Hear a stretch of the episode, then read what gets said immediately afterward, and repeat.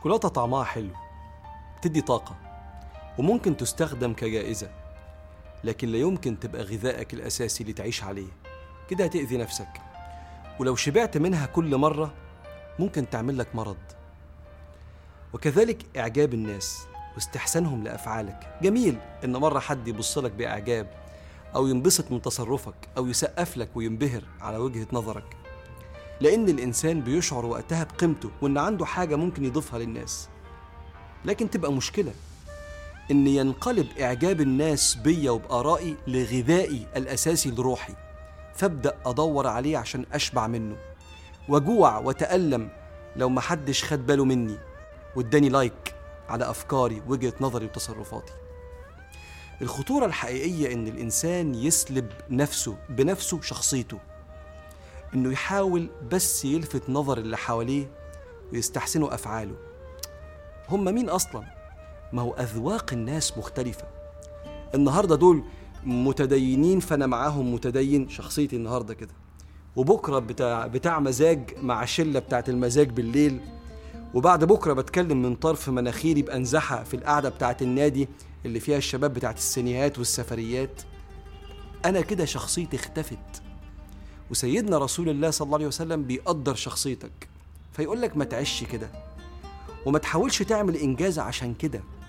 أنت أغلى من إنك أنت تدور على بونبوناية تبقى غذائك اللي هي سقفة الناس ونظرات استحسانهم. شوف النبي ينهى عن طلب العلم ليماري به السفهاء ويجادل به العلماء ويجذب أنظار الناس إليه. اوعى تتعلم دينك أو تتعلم حاجة في الدنيا عشان تماري به السفهاء تبقى قاعد في قعدة تتنطط على الناس بالعلم أو تجادل به العلماء انك تقعد في القعدة مع العالم وتقعد تاخد وتدي هذا انت جامد قوي. أو تصرف انظار الناس اليك تبقى قاعد في قعدة تقول معلومات فالناس تقول لك يا ده حاجة حلوة قوي. اوعى يكون دي نيتك من طلب العلم. الناس بيفقد الإنسان قيمة نفسه عشان نظرة نظرة إعجاب. وحد يقول يا واد يا ظريف شوف النبي ينهاك يقول لك قال صلى الله عليه وسلم ويل للذي يكذب ليضحك الناس. ويل له ثم ويل له. والأصعب إن واحد يعرض حياته للخطر بس حتى عشان يقال عنه. وحصلت أيام النبي عليه الصلاة والسلام من كتر العطش لثناء الناس إن واحد يخلي طاعته لربنا سلمة مش لمرضاة ربنا لكن من أجل استحسان الخلق. قال صلى الله عليه وسلم أول من تسعر بهم النار قارئ ومنفق ومجاهد. أنت واخد بالك؟ قارئ يؤتى به يوم القيامة فيقول له رب العالمين ماذا عملت؟ يقول قرأت القرآن فيك. قال كذبت. وإنما قرأت ليقال قارئ. طب والتاني منفق. ماذا عملت يا رب؟ أنفقت في سبيلك. قال كذبت. إنما أنفقت ليقال. جواد. يا نهار أبيض. ومجاهد. عملت إيه؟ جاهدت في سبيلك. قال لا. كذبت. إنما جاهدت ليقال شجاع. فخد بالك. الحل في المسألة دي إن أنا ما أعيش يبقى قوتي وأكلي فقط أنظار الناس وإعجابهم إنك معتقدا كده في عقيدتك تعرف أن النفع والضر فقط بيد الله سبحانه وتعالى. الراجل يخش على النبي صلى الله عليه وسلم فيحذر رسول الله يقول له خد بالك إن مدحي زين وإن ذمي شين. قال ذلك الله.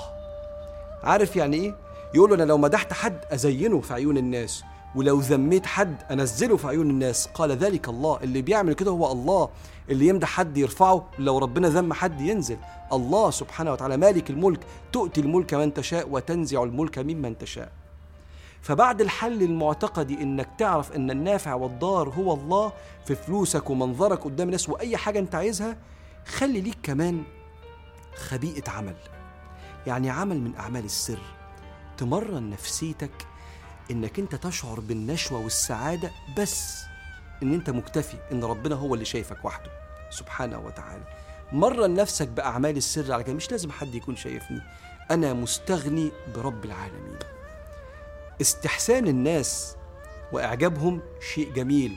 بس المهم ما أفقدش قيمي ونفسيتي بس علشان بدور على استحسانهم ونظراتهم النظرات المعجبة. ده كده غذاء قاتل. لروحي. فاللهم يا مغني أغننا بك عمن سواك. وغيبنا عن شهود أنظار الخلق بشهود نظرك إلينا.